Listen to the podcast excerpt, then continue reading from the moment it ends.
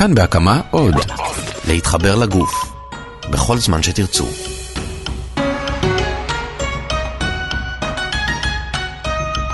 התוכנית שלמות מוגשת להעשרה בלבד ואינה מחליפה חוות דעת רפואית.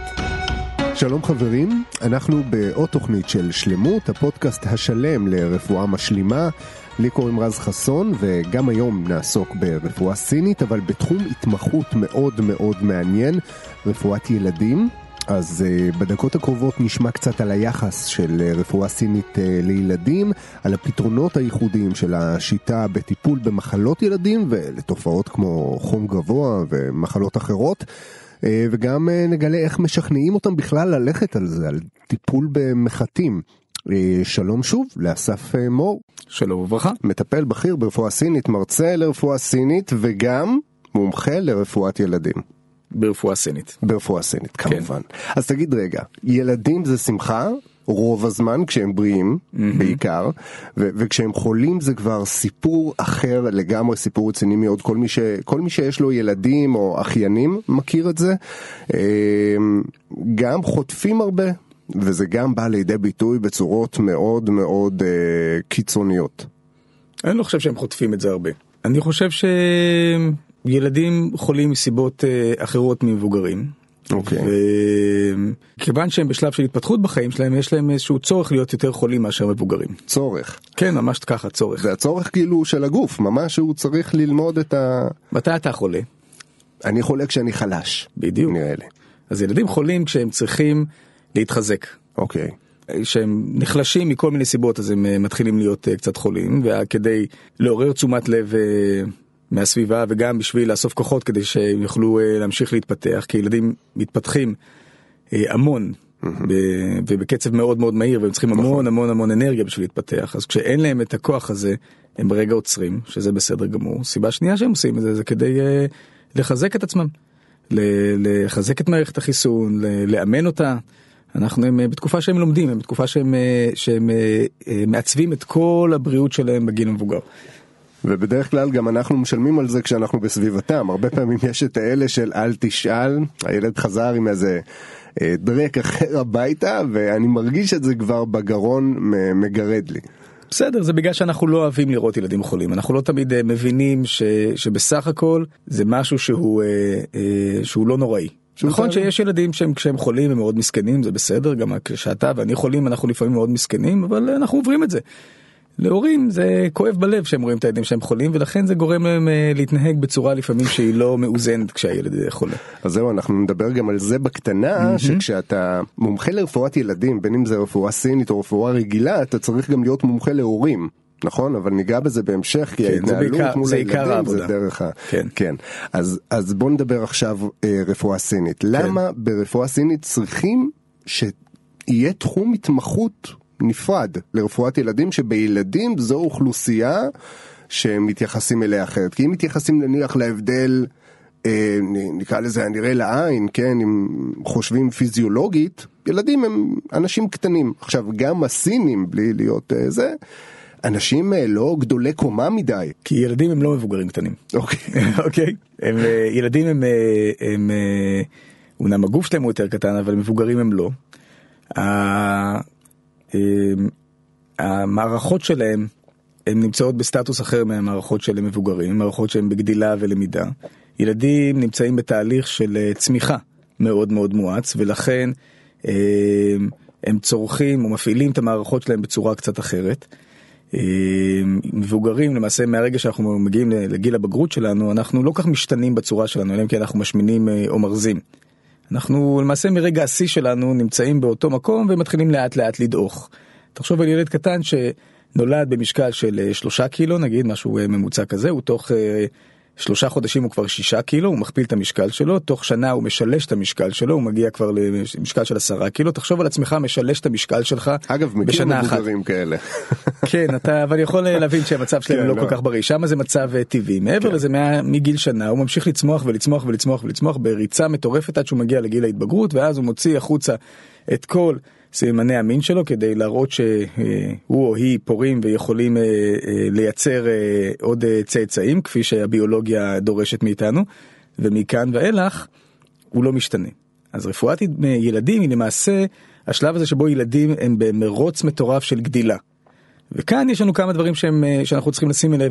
קודם כל צריך לראות שהם יכולים לצמוח ולגדול כמו שצריך. דבר שני צריך לזכור שעוד שלב שהוא קצת אה, התרחק, רחוק מבוגרים, לילדים יש את הנושא הזה של הלידה והקרבה ללידה.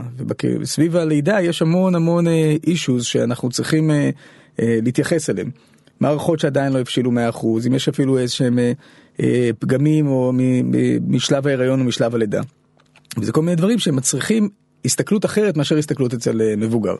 אז דיברנו על זה בעצם שזה איזשהו שלב טבעי בהתפתחות של הילד, כחלק מההתפתחות הביולוגית שלו, mm-hmm. הוא גם אה, חולה, וזה בסדר. זה בסדר גמור, ילד צריך להיות חולה מדי פעם, זה גם אחד הדברים אה, שאנחנו נדבר הרבה עם ההורים, אתה אמרת שנזכיר את זה בהמשך אז נדבר על זה אבל אני הרבה מזכיר להורים שילדים צריכים להיות חולים אה, אה, מדי פעם אנחנו צריכים לטפל בהם שהם לא יהיו חולים כל הזמן ילד שהוא לא בריא זה ילד שהוא חולה כל הזמן ילד שחולה מדי פעם הוא ילד בריא. בריאות נמדדת ביכולות אה, של המערכות שלנו לתפקד בצורה טובה והיכולת שלנו אה, להגיע לסיפוק והיכולת שלנו אה, לממש ברפואה הסינית את הדאו שלנו את הדרך שלנו. Mm-hmm. ו, אה, ולכן גם אם ילד חולה לפעמים הוא חולה בשביל לממש את הדרך שלו. איפה למדת אה, התמחית ברפואת ילדים? אני עשיתי התמחות ברפואת ילדים אה, במרפאת רפואות מדיטף זה תחת הפיקוח של ג'וליאן סקוט שהוא אה, נחשב המומחה ילדים הכי גדול בעולם המערבי. אחרי זה עשיתי עוד, זה היה התמחות שלי שנה, שנה וחצי, אחרי זה עוד עשיתי סטאז' במרפאה במשך שנה, שנה וחצי. אמ, ולמעשה עדיין אה, ממשיך בתהליך של למידה והיכרות עם התחום באיזשהו שלב גם התחלתי לעבוד עם מחלקה במחלקת כירורגית ילדים בבית חולים mm-hmm. תל השומר בספרא. ו... ושם למדתי הרבה, עבדתי צמוד ל... אה, לרופאים שמטפלים ולאחיות שמטפלות, ש... שמהם למדתי המון. ו... וזהו, ומשם צברתי את הידע שלי ואת ההיכרות שלי מהעולם הזה. אז בוא תתאר לרגע אה, להורים, בוא נגיד שמאזינים לנו, הורים לילדים שלא יודעים איך זה אחרת חוץ מלהגיע עם הילד לקופת חולים ולהתחיל לספר לרופא מה יש לילד, מתי הוא יתעורר ככה וכולי. אני, מבחינתי הטיפול בילד, הטיפול בהורה הוא אחד, אפילו יש לנו משפט מאוד מפורסם ברפואה הסינית שאומר שבשביל אה, לטפל אה, בילד צריך לטפל באימא או בהורה. אפילו יש הרבה סיפורים מעניינים על uh, מקרים שבהם לא טיפלתי כשילד הגיע חולה ולא טיפלתי בילד עצמו בכלל אלא טיפלתי בהורה אמרתי להורה. uh, אני מבין הילד קצת חולה זה בסדר הוא עייף אבל אני חושב שכדאי שנתחיל לטפל בך ודרך הטיפול בהורה אנחנו טיפלנו בכלל uh, בילד כי ההורה איך זה כי ילדים והורים הם מאוד מחוברים. אוקיי. Okay. כשאנחנו מסתכלים על זה בראייה אנרגטית בראייה פיזיקלית כפי שדיברנו קודם ולהבדיל מראייה כימית או ראייה ביולוגית אנחנו רואים שה... האנרגיה של הילד וההורה, לפחות עד השלב שמתחילה ההיפרדות המסודרת, היא, היא ביחד. הם צומחים ביחד. ילד נשען בצורה מאוד אדוקה על האנרגיה של ההורה. כשאנחנו מסתכלים על אימא ותינוק אז כמובן זה ברור לנו יותר כי הוא, הוא ממש יונק ממנה כן. אבל גם אבא ו- ותינוק אה, אה, וכל אה, כל המערך המשפחתי הוא מאוד מאוד תלוי לבריאות מאוד מאוד קשור לבריאות של הילד ולכן הרבה פעמים כשאתה שרואים שאחד ההורים הוא עייף שמערך המשפחתי לא משרת את הילד בצורה הטובה ביותר אנחנו צריכים לטפל בהם ושהורה חולה אנחנו צריכים לתת לו את המענה קודם כל כדי שהוא יוכל לתת את האנרגיה לילד. וואו, זה כחלק מהכשרה כרופא ילדים, כלומר חלק מוכר בתהליך הזה זה גם לטפל בהורים. למעשה זה, למעשה ב... ב הכללים של רפואת ילדים סינית זה החוק הראשון. Treat the mother to treat the child קודם כל. מדהים. אתה צריך קודם כל כשהילד נכנס עם הורה אתה צריך להסתכל על הילד וההורה ביחד כחטיבה אחת. זאת אומרת יש מושגים ברפואה הסינית שנקראים שורש וענף. השורש נכון. של הבעיה והענף כלומר אופן ההתבטאות שלה. נכון. אז ברפואה סינית השורש בכלל יכול להיות לא לא בילד עצמו. נכון השורש יכול להיות לחלוטין באימא יכול להיות גם מצב שהשורש הוא בילד וההורים עייפים זה גם אה, זה גם בסדר. אז הטיפול בילדים למעשה הוא טיפול במערך המשפחתי לפחות בשנים הראשונות בשלב יותר מאוחר אה, יש קצת איזשהי סוג של הפרדה ועד שמגיעים לגיל ההתבגרות שבה צריך ממש אה, להסתכל על ההפרדה הזאת בצורה מסודרת לפעמים צריך לעשות הפרדה בין ההורה לילד כדי לאפשר לדברים לצמוח ולגדול כמו שצריך.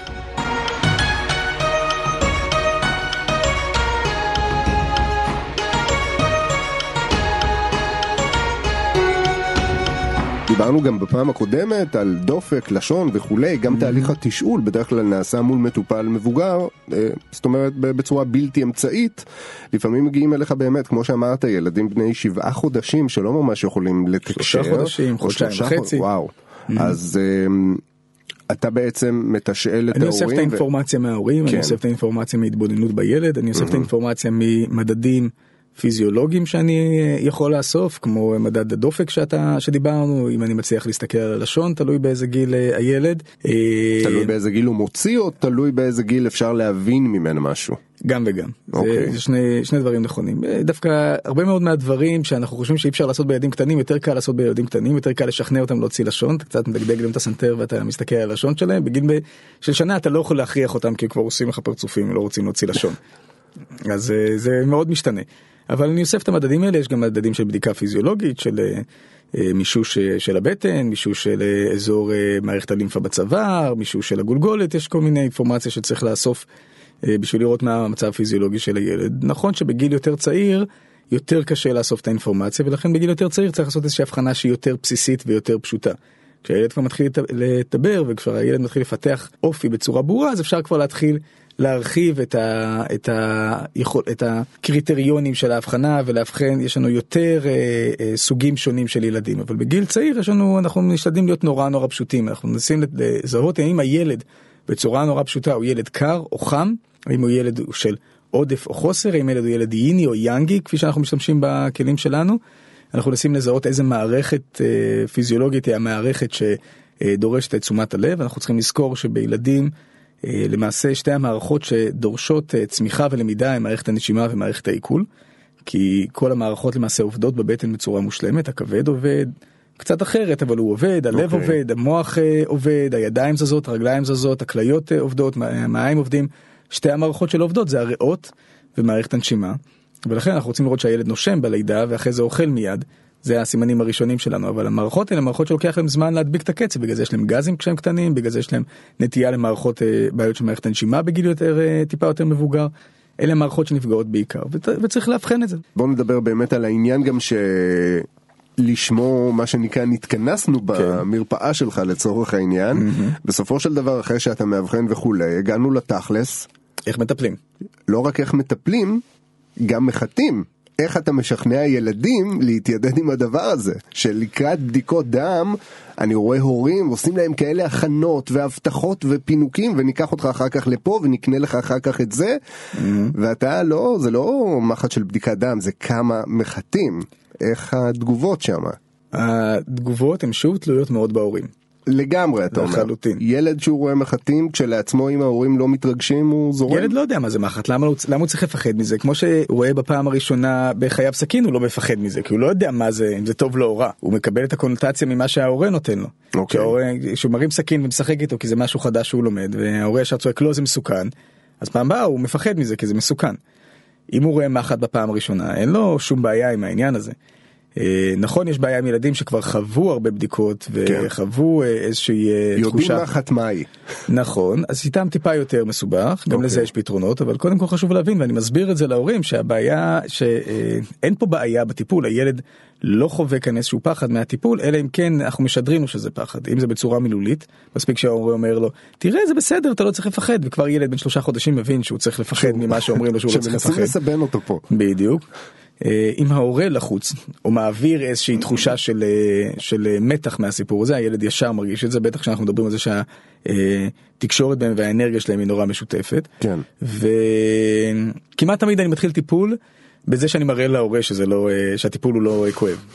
אני- שוב מתחיל בהורה כן כן מתחילים לטפל לדבר ואז אני. אומר אוקיי רגע אני, אנחנו הולכים לעשות דיקור תראה ואני דוקר את ה... עושה דיקור שזה מילה מזעזעת אגב אבל אני שם מחט להורה. אה, ואז ההורה אומר אה זה שטויות ואז הילד כבר סבבה הוא כבר ראה שלהורה יש את המחט הוא בסדר הכל אה, משחק הכל נחמד. כן. כן זה מבחינתו בסדר אם ההורה מעביר מתח סביב הסיפור הזה אז גם הילד חווה את המתח זה בדרך כלל בגילאים יותר צעירים בגילאים היותר מבוגרים שכבר ילדים טיפה יותר מודעים לסכנות אז שם צריך איזשהו תהליך של אה, אה, רגישות עם הילד להבין מה, מה הוא יכול אה, לקבל ומה הוא לא יכול לקבל. יש לנו גם אה, טכניקות נוספות חוץ מדיקור עם מחטים אלא כמו מדבקות עם אה, מחטים או מדבקות עם מגנטים שאנחנו יכולים אה, להשתמש בהם או עבודה מנואלית עם הידיים יש גם טיפול שהוא באמצעות אה, צמחי מרפא. אה, שאפשר אה, לעשות אבל אה, כמעט אף פעם לא נתקלתי בסיטואציה שלא יכולתי לטפל בסופו של דבר בילד גם אם זה עבר דרך שלב של פחד או חשש מאוד מאוד גדול אנחנו מצליחים להגיע ולהראות לילד שבסך הכל זה טיפול שהוא טוב לו. וזה תמיד מפתיע את מי שנמצא שרואים ילדים. קיבלו שניים שלושה טיפולים שהם מגיעים וכבר מושיטים לי את הידיים, הם מרימים כן, את המכנסיים בעצמם. אני רואה תמונות של אה, זרועות של ילדים עם מחטים והם מקבלים את זה עושה רושם אתה יודע בשלווה מוחלטת וזה נורא מרשים. כן, כי, כי... אני, אני מכיר מבוגרים שעדיין נורא נרתעים אתה יודע בסדר, מה כי... זה יכאב לי זה לא יכאב לי אתה תהיה עדין אתה לא תהיה עדין. טוב, כזה... לפעמים זה גם כואב אין מה לעשות למבוגרים זה בסדר. כן. אה, חלק מהשיט... מהמטפלים אה, עובדים בטכניקות כאלה ואחרות שהן יותר או פחות כואבות זה גם מאוד מאוד תלוי בשיטה וב... המטופל כמה הוא רגיש לכאב אבל אגב בגיל יותר מבוגר אחד הדברים העיקריים הוא לייצר איזושהי מערכת יחסים של אמון עם הילד.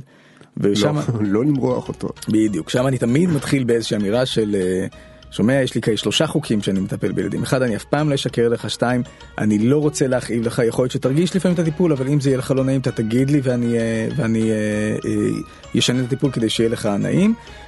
ודבר שלישי זה שאני רוצה בטובתך ותדע את זה שזה כל הטיפול הזה נעשה בטובתך הוא לא נעשה לא בשבילי ולא בשביל ההורה. ואז הילדים מתחילים להאמין שיש פה איזשהו מישהו שהוא, שהוא רוצה לעזור להם. שהוא כן? חבר. Mm-hmm.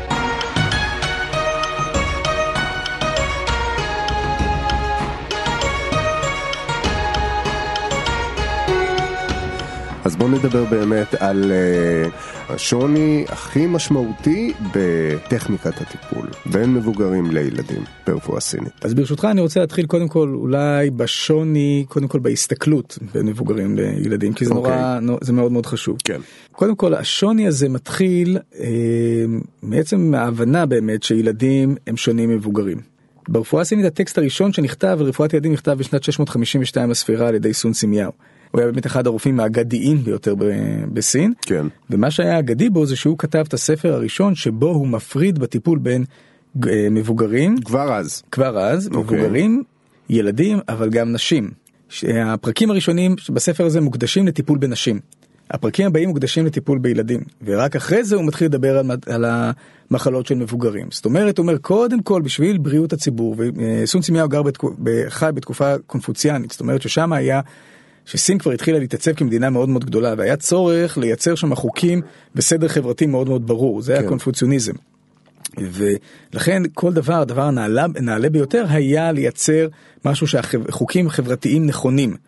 והוא רושם שהחוק החברתי החשוב ביותר הוא לטפל בשביל שיהיה בריאות כי הוא היה רופא וזה מה שמעניין אותו הוא קודם כל לטפל בנשים בהיריון לאחר מכן לטפל בילדים שהם קטנים ואחרי זה לטפל במבוגרים זאת אומרת הדרך הנכונה לשמור על בריאות היא לטפל מההיריון דרך הלידה בילדות ועד גיל הבגרות. ו- ואז הוא מציין את העקרונות השונים של טיפול בילדים. והעקרונות השונים של הטיפול בילדים אומרים שקודם כל ילדים הם הרבה יותר דינמיים ברפואה סינית ילדים הם יאנגים הם זזים מהר, הם משתנים מהר. יאנגים, כלומר? הם חמים, הם זזים, הם משתנים. יש את הבדיחה המפורסמת של רופאי ילדים שאומרים גם בעולם הערבי שצריך לטפל במחלת ילדים מהר לפני שהיא נגמרת. כי מחלות הם כי הילדים גם כשהם חולים זה הכל קורה מהר מאוד. אז זה הכל כאילו בהיי אינטנסיטי זה הכל נכון, כל כך למשל אם אני לוקח, אם אני, זה לא רק בהיי ווליום, יש ילדים שחולים, יש ילדים שחולים בהיי ווליום, יש ילדים שחולים יותר בלואו ווליום, אבל אם אני מבין את זה נכון ומיישם את זה היום, אני לא יכול לטפל בילד mm-hmm. בתגהור פעם בשבועיים. אין, כי ילד כשהוא חולה הזמן של המחלה הוא קצר והוא מאוד מאוד מאוד מאוד משמעותי זאת אומרת כשאני מטפל בילדים אני רואה את הילדים לפעמים 3 4 5 פעמים בשבוע. כי אני צריך לראות אותם שהם חולים, אני צריך לראות את ההשתנות של המחלה, אני צריך לעקוב אחרי המחלה, כי כפי שאמרתי קודם, מחלה מבחינתי איזשהו משהו שהוא בריא, או איזשהו מנגנון בריא של שהוא הגוף. שהוא תהליך טבעי. טבעי. ו... אז כן. אני רוצה לעקוב אחרי התהליך, לראות שהתהליך לא משתבש, כי מה שקורה בילדים זה שאם התהליך משתבש, הם נהיים אחרי זה כאילו בריאים, אבל אז שוב פעם חולים. ואז שוב פעם התהליך של ההבראה משתבש, הם נהיים כאילו בריאים, ואז שוב פעם אה, חולים. ואני רוצה לראות שהם חולים כמו שצריך. ואני אומר את זה, אם תביאו אותם, אני רוצה לראות את הילד, אני מטפל בילד, אני מכוון את הילד שיהיה חולה כמו שצריך. להיות חולה כמו שצריך, שמה זה אומר בעצם? בוא תיתן לי סתם דוגמה שבדרך כלל האדם שלא מבין ברפואה סינית יגיד הלו מה אתה עושה בוא תעשה לילד ככה וככה ואתה אומר לא. נכון שזה דרך אגב אחת הבעיות של גם רופאי ילדים רופאי ילדים מקבלים המון דרישות מההורים של מההורים של תן הילד תרופה. כן. תרופה היא בסדר צריך אותה כשהמצב הוא מסכן חיים mm-hmm. בגלל זה כבר גם רוב הרופאים מנסים לא לתת תרופות שלא לצורך זה אבל לפעמים הם עומדים סביב לחץ אה, מאוד מאוד גדול אה, של ההורים. אחת המשימות שלי, כפי של אה, עמיתי הרופא ילדים, הוא. להסביר להורה שזה בסדר. הילד יכול לעבור את המחלה הזאת גם בלי התרופה, אנחנו לא צריכים לתת לו את האנטיביוטיקה. אם צריך לתת לו את האנטיביוטיקה, ניתן לו את האנטיביוטיקה, זה בסדר. אם הוא צריך לקחת את הסטרואידים כי הוא לא נושם, ניתן לו את הסטרואידים, זה בסדר. אבל אם אנחנו עוקבים אחרי הילד, ואני רואה אותו יום יום, אני יכול למנוע מהסיטואציה שהוא צריך לקחת תרופות, כן. כי אנחנו כל הזמן עושים לו fine-tuning, כיוון עדין כדי לראות שהוא עובר את המחלה הזאת כמו שצריך. ואם אנחנו, ואם זה ילד שחולה הרבה, אחרי 2-3 מחלות כאלה שאנחנו עושים fine tuning, הוא כבר יודע איך להיות חולה כמו שצריך, והוא מפסיק להיות חולה כל כך הרבה. בילדים נהיים חולים הרבה, כי הם לא מצליחים להיות חולים כמו שצריך. ואז כל ואז הזמן... כל פעם הם חוזרים. חוזרים על זה, כי המערכת כדי... שלהם, הגוף שלהם הוא בריא. כן. והגוף שלהם רוצה לסלק את מה שמציק לו. אז הם מנסים לסלק את זה, הם מייצרים את המחלה בשביל לסלק את מה שמציק להם. עכשיו אם אנחנו מפריעים לזה, הילד לא מצליח להבריא כמו שצריך, אז הוא שוב נשאר עם הדבר הזה שיושב לו שם בגוף, והוא מנסה להיות חולה שוב ושוב ושוב ושוב ושוב. אוקיי, בוא, בוא ניתן, בוא נתעכב רגע על העניין של חולה כמו שצריך, נניח, אני מגיע אליך עם, אה, עם הילד שלי ו, ויש לו חום. כן. אוקיי, אתה בודק, מגלה ש... אין חום, אה, אגב אני מניח שאתה גם אה, נשען על בדיקות מעבדה וכל מיני דברים כאלה, בדיקות דם, mm-hmm. מוודא שאין שום איזה וירוס mm-hmm. אלים או משהו מסוכן, מחלת חום כלשהי. Mm-hmm. כן. אתה בתור רופא סיני, מה אתה עושה איתו? קודם כל אני צריך לאבחן אותו. אוקיי. ולהבין איזה סוג של ילד הוא. האם הוא ילד חם או קר? האם הוא ילד חזק, שיש לו יכולת להחלים מהמחלה ובצורה בריאה, או האם הוא ילד שהמערכות שלו לא התפתחו בצורה עדיין מספיק טובה והוא צריך תמיכה בשביל לעבור את המחלה וזה נורא שונה. כי אם הוא צריך תמיכה אז אני מכוון אני עוזר למערכות לעבור את המחלה אם הוא ילד חזק כל מה שאני עושה זה מנסה להפריע למנוע מהגוף להפריע לו לעבור את המחלה כמו שצריך. מבין? זה שאלה אם אני מחזק. מה זה אומר? זה אומר אם אני עכשיו. אה, נותן לו צמחים, האם אני בוחר נקודות דיקור שהן נקודות שמחזקות את המערכות, מחזק את הריאות מה שנגיד אה, נקרא אם יש לו איזושהי מחלת ריאות, או מחזק את מערכת העיכול כדי שהיא תספוג יותר טוב וכן הלאה וכן הלאה, okay. אוקיי. או, או שאני פשוט מונע ממנו, מסיר ממנו את כל הדברים שמפריעים לו לעשות את זה לבד. אוקיי, אוקיי, כלומר החום לצורך העניין ימשיך עד שהוא ייגמר באופן אה, כן, טבעי. חום, חום זה דבר טוב. חום זה דבר, חום בגישה המערבית אומר שהמערכת גם בגישה שלנו. מערכת החיסון נותנת fight. חום הוא תגובה טובה של מערכת החיסון, לכן גם היום אה, בהנחיות של רופאי הילדים כתוב. הם אומרים שעד 38-5 אין צורך להתעסק עם החום. וגם אם הילד עולה מעבר לזה אין שום בעיה, הבעיה היא לא בגובה של החום, הבעיה זה מה איך הילד מגיב לחום, ויכול להיות שהוא גם מגיב לחום מאוד מאוד נמוך בצורה מאוד לא טובה, אפילו 37-3 והוא כבר... שהוא כבר מחוק קצת, ומסטול וגמור נכון, זה זה... עכשיו אנחנו כבר מבינים מההבנה הזאת שהילדים החלשים ב-37-3 יהיה להם כבר יותר קשה, ולכן להם, שם כן. אני צריך לעזור להם יותר ויותר להתערב ולחזק את המערכות, לפעמים אני אפילו צריך לעזור להם קצת להעלות את החום.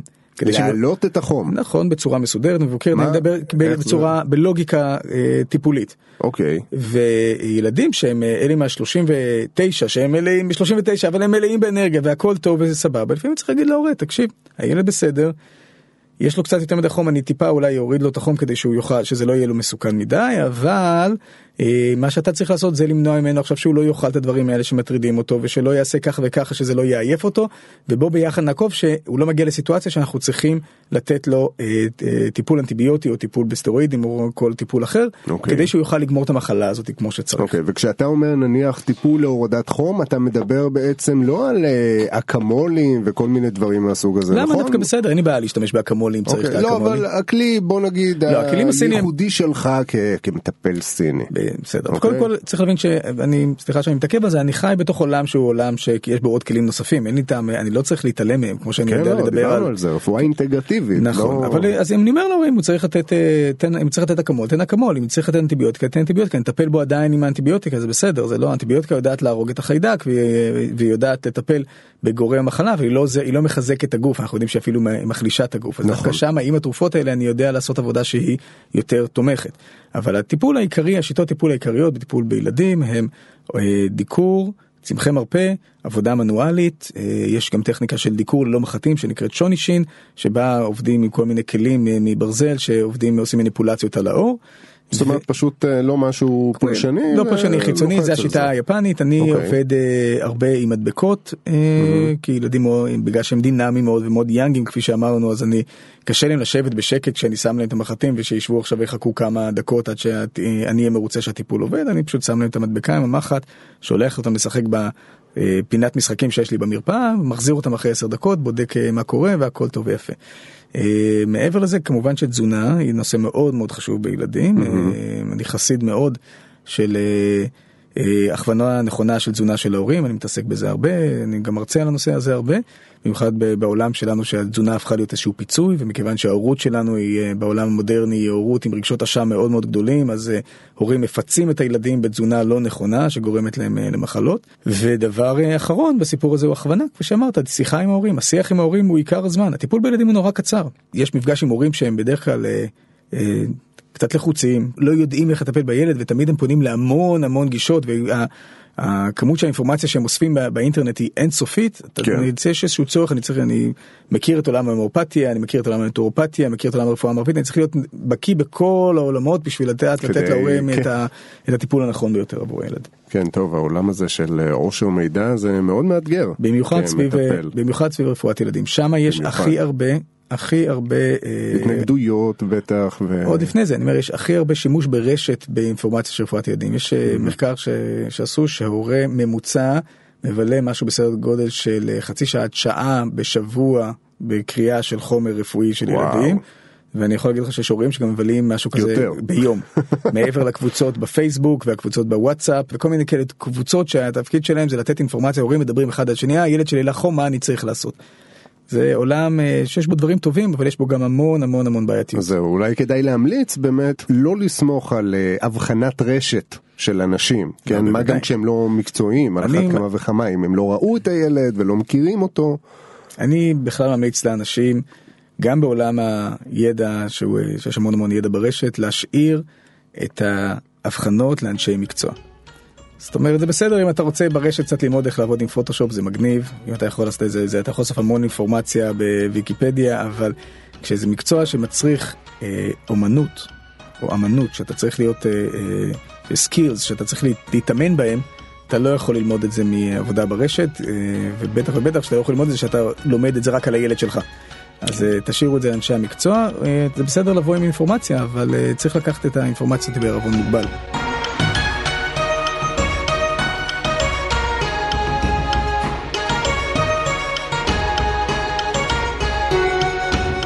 מהן הפתולוגיות, מהן המחלות הדומיננטיות ביותר מבחינת השכיחות שלהם, שאתה רואה בקליניקה שלך בקרב ילדים, שוואלה לרפואה סינית יש אחלה פתרון בשבילן ביחס לרפואה מערבית נניח, שמשיגים אפקט רק עם הרבה תרופות, או שאין להם לחילופין מה לעשות עם הילד עד שזה חולף לבד עם הרבה סבל לכולם על הדרך. אז אה, זו שאלה שאני נתקל בה הרבה, אז סבבה, אחלה, אתה מטפל ברפואה בילדים, במה אתם מטפלים ברפואה סינית? אז אני תמיד מזכיר ועונה שרפואה סינית היא רפואה שלמה, היא לא שיטת טיפול רק במשהו אחד. זה רפואה שהייתה קיימת במשך ועדיין קיימת אה, אלפיים שנה וטיפלה בהכל. זה נכון שיש דברים, כפי שדיברנו, שאנחנו, אה, אה, שהרפואה המודרנית כבר יותר מוצלחת בהם וזה בסדר, אבל אפשר לטפל בהכל. ברפואה סינית. אני רואה ילדים למעשה מכל הסיבות שילדים הולכים לרופא משפחה, כל הסיבות, מדלקות אה, אה, אוזניים ודלקות גרון ודלקות ריאות ובעיות נשימה וקוצר נשימה ובעיות במערכת העיכול וחולשה ובעיות בתיאבון וכן הלאה וכן הלאה, בעיות התפתחות כמובן. אני רואה ילדים סביב אה, תופעות שהם אה, אה, לפעמים לא הולכים דווקא לרופא, אלא הולכים לכל מיני ייעוצים אחרים כמו הפרעות שינה.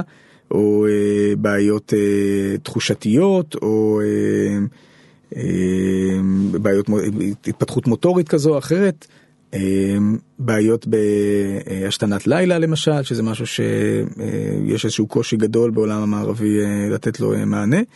אה, אפשר לטפל בהכל. כמובן שצריך לדעת איך לטפל בדברים, ואם אה, מטפל לא יודע הוא צריך להפנות הלאה. כן. הדברים העיקריים שאני רואה, ואני חושב שאם נחלק את זה לגילאים אז זה יעזור לנו יותר, בגילאים צעירים. כן. זה בטח בסביבות עד החצי שנה הראשונה זה כמעט תמיד בעיות שהן אה, סביב אה, התפתחות מערכת העיכול, זו המערכת הלומדת, כפי שאמרנו זו המערכת שלא התפתחה בבטן ולכן היא צריכה להתפתח בחוץ והיא צריכה ללמוד להסתגל למזונות אה, ולכן יש את התופעות שאנחנו מכירים קוראים להם קוליק שזה גזים גזים, המון, וגב, ו- וכל מיני גזים. ופליטות וריפלוקס כן. והדברים האלו. אה, זה הדברים העיקריים שאני רואה סביב בגילאים האלו, אה, לפעמים גם אה, עצירויות, לפעמים נושאים של אה, אה, עודף יציאות, או בכלל דברים שקשורים למערכת העיכול. מגיל חצי שנה ואילך, או הרבה פעמים זה מהנקודה שבה הילדים נכנסים לגן, המשפט המפורסם, מאז שהוא נכנס לגן הוא כל הזמן בלה בלה בלה בלה בלה בלה בלה, וכמעט תמיד זה בעיות של מערכת הנשימה. כשילדים נכנסים לגן, אה, יש להם חשיפה גדולה יותר לגורמי מחלה, מכיוון שהם רואים יותר ילדים, מכיוון שהסביבה הבטוחה שלהם השתנתה, מכיוון שמערכת החיסון שלהם נחלשת, מכיוון שהם עזבו את הסביבה הטבעית שלהם והם צריכים לאמן אותה, הם צריכים עכשיו ללמוד או צריכים לפזר את האנרגיה שלהם בצורה אחרת מהצורה שהם היו רגילים לפזר אותה עד כה, ולכן הנטייה הטבעית היא לחטוף מחלות של מערכת הנשימה.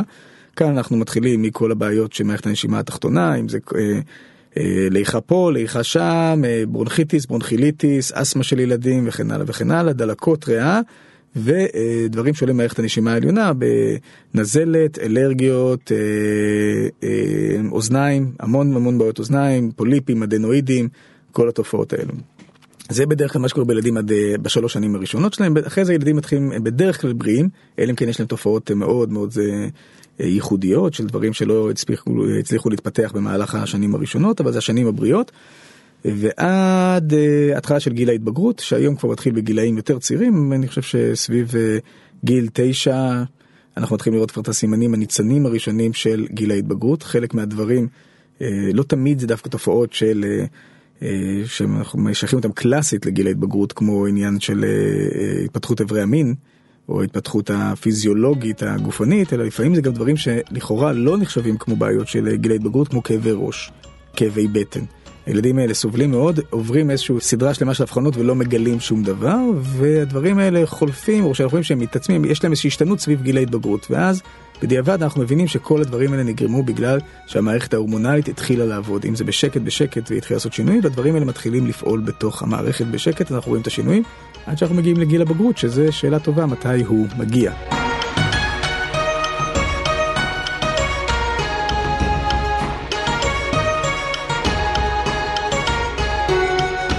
בוא נדבר רגע על מחלות ילדים שאנחנו מכירים בעיקר כל האדמת וחזרת ואבעבועות ולפעמים יש ילדים קטנים שנולדים אה, עם צהבת דברים כאלה שצהבת היא לא בהכרח אה, מחלת ילדים. יש לרפואה סינית כי מצד אחד אנחנו לא רוצים למנוע מחלה כמו חזרת mm-hmm. כדי כי בכל זאת אנחנו רוצים שהוא איכשהו יעבור את זה כדי שהוא לא יתמודד עם זה בשלב מאוחר יותר שזה יכול להיות מסוכן כבגיר. קודם כל אנחנו ברפואה הסינית לא נותנים את השמות האלו למחלות. אוקיי. אה, לא משנה לי אם קוראים לה חזרת, שעלת או אדמת, או אבעבועות רוח, או אסתמה, זה לא משנה לי, אני מטפל בילד על פי הסימפטום שלו. אוקיי? אני חושב שגם דרך אגב בסופו של דבר רופא הילדים הוא מטפל בילד על פי מה שהילד מציג אם יש לו יותר חום אז הוא יטפל בחום יש דלקת הוא ייתן לו את האנטיביוטיקה כמובן שלהבין מה הגורם זה עוזר לנו להבין לאיפה המחלה תתפתח אבל לפחות בהבחנה שלנו אנחנו מטפלים במה שהילד צריך ובהקשר שלנו אנחנו מטפלים במה שהילד צריך על פי האופי של הילד כן. צריך לזכור את הסיפור הזה. אז אה, כן אם ילד מגיע לצורך העניין עם מחלה שמוגדרת כחזרת קודם כל אני גם מוודא שהוא מקבל את הליווי הרפואי המלא של הרופא משפחה שלו ולאחר מכן תוך כדי הטיפול הרפואי שהוא מקבל אני מתחיל לטפל בילד ולא לטפל במחלה. וזה ההבדל המשמעותי אם הילד קיבל אנטיביוטיקה כי יש לו דלקת אוזניים זה לא כישלון אה, רפואי זה אה, או כישלון שלי כמטפל ב... אה, ברפואה סינית זה בסדר אתה גמור. מתכוון אחרי הטיפול שלך. כן, לפעמים ילדים מגיעים, ההורים אומרים, תשמע, אנחנו עושים טיפול ויש לו דלקת באוזניים, קיבל אנטיביוטיקה. אני אומר, בסדר גמור, שקיבל אנטיביוטיקה, אחלה, בוא נמשיך לטפל בו עם האנטיביוטיקה, אוקיי. ונשמור, נוודא שהילד לא ייחלש מהטיפול האנטיביוטי ויוכל לצאת מזה כמו שצריך, כדי שלא יהיה חלש בעוד שבוע ויקבל שוב פעם דלקת אוזניים. זה בסדר גמור. אז אנחנו מטפלים בילד על פי מה שהילד צריך, אין, אין מניעה מלטפל בילד גם כשהוא חולה וגם כשהוא עובר טיפול מערבי, קונבנציונלי. אוקיי. עכשיו אני יודע נניח מרפואת מבוגרים, רפואה מערבית, שיש את העניין של מחלת הנשיקה נניח, שבדרך כלל לרפואה מערבית אין מה לעשות עם זה. כלומר ברגע שיבחנו אותך עם מחלת נשיקה, פשוט מחכים שזה יעבור. ולרפואה סינית יש דרך... נכון. איך לומר לזרז תהליכים נכון. יש יש דברים יש פתולוגיות מחלות ילדים שאתה יכול להגיד בעניין הזה באמת רפואה מערבית אומרת אין מה לעשות עם זה אבל רפואה סינית יכולה לחסוך אני הרבה חושב, סבל. שה... אני חושב שאולי הדוגמה הטובה ביותר היא סביב הייאוש הגדול של ההורים שהם הולכים לרופא ואומר אין לך מה לדאוג זה ויראלי. זה ויראלי. ויראלי. אוקיי, מכיר ואז את זה. הורים נכנסים למצוקה מאוד גדולה מה זה אומר שזה ויראלי כל פעם הוא אומר לי שזה ויראלי אבל הילד עדיין חולה זה לא עוזר לי שאומרים שזה ויראלי זה לא מנחם אותי כי הילד עדיין חולה למה הילד שלי חולה עם מחלות ויראליות כל כן. הזמן. אז יש מה לעשות עם מחלה ויראלית כי כפי שאמרתי הווירוס לא מעניין אותי ברפואה סינית מה שמעניין אותי הילד אני רוצה לחזק את הילד אז כשהוא מגיע עם מחלה ויראלית שהרופא אומר זה יעבור לו תוך שבוע. כשאני מטפל בילד המחלה יכולה לעבור יותר מהר. וכשאני מטפל אה, ואני מלווה את הילד נכון לאורך תקופה אנחנו יכולים לוודא שהוא יהיה פחות חולה במחלות הוויראליות האלה זה הדברים כל שאר הדברים די מכוסים בצורה טובה בעולם המערבי יש לפעמים בעיה שהטיפול הקונבנציונלי הוא טיפול אגרסיבי מדי. אה, ו... כשאתה אומר אגרסיבי הכוונה אגרסיבי אגרסיבי גם לילד. לגוף של הילד, כן? כן, אבל, למערכות אבל, שלו. אבל אה, אני, אני מבין לחלוטין כשילד נמצא במצוקה, כשילד לא נושם, אתה לא שואל את עצמך האם זה אגרסיבי לו או לא אגרסיבי, לא אתה רוצה שילד? ינשום, כן, שינשום וזה אני כן. מסכים, וכשהורה מתקשר אליי הרופא אמר לקחת סטרואידים ואני לא רוצה, אני אומר לא, הרופא אמר תיקח סטרואידים ותיקחו סטרואידים, תבואו ואנחנו ננסה לקצר את התקופה של הסטרואידים, אנחנו כן. לא נמנע ממנו לקבל את הטיפול שהוא אה, זה, כשהייתי עובד אה, בבית חולים הרבה פעמים היו שולחים אותי להיות זה שמדבר עם ההורים המתנגדים. זה ההוא מהרפואה המשלימה, השגריר. השגריר הוא יגיד לכם שזה בסדר לעשות לילד CT כי אין ברירה אלה זה הברירה היחידה בשביל לדעת אם יש לו בעיה או אין לו בעיה. יש אפנדצית תנו לפתור את האפנדצית הזה וגם אם אה, אני אעשה לו המון המון טיפולים סביר להניח הטיפול שייתנו לו בית חולים כאן יהיה יותר מהיר ופחות מזיק לילד צריך לדעת איפה הדינמיקה הנכונה בדברים. אה, אז ברפואת חירום כמובן שלעולם הרפואה הקונבנציונלית יש הרבה יותר מענה הרבה יותר חזק מאיתנו וזה בסדר הבעיה היא כמו שאני לא אה, מונע מילד לקבל טיפול ברפואה מערבית אני גם מצפה מהרופא כשההורה אומר תקשיב יש לו אה, דלקת אני רוצה לעשות לו דיקור שהוא יגיד וואלה סבבה תעשי דיקור תחזרי תראי איך זה עובד. עובד לך נהדר לא עובד נהדר. כפי שהוא אומר לי אני רוצה הילד לוקח אנטיביוטיקה. אני אומר סבבה תנו לו אנטיביוטיקה בואו נלווה אותו גם תוך כדי אנטיביוטיקה. אה, ואני רואה יותר ויותר גישה כזאת של הורים ש, של אה, רופאים שנותנים לה אה, את הכבוד ואת המקום לרפואה הזאת אה, לתת את המענה בדברים שהם לא תמיד יש להם את הכלים הטובים ביותר עבורם. כן. טוב, אז זה היה מעניין. אה, וזה הכל, אז אנחנו נשתמע כאן בתוכנית אה, נוספת שתעסוק בנושא אחר, מעניין אחר גם ברפואה, ברפואה הסינית וברפואה המשלימה. אז אה, תודה רבה, אסף מור. תודה רבה. לך רז חסון. וכשיהיו ילדים אז יאללה. נביא אותם ל... אינשאללה. ותודה רבה גם לאסף רפפורט, אנחנו נשתמע כאן בתוכנית אה, הבאה. תודה רבה לכם, ביי ביי. ביי ביי.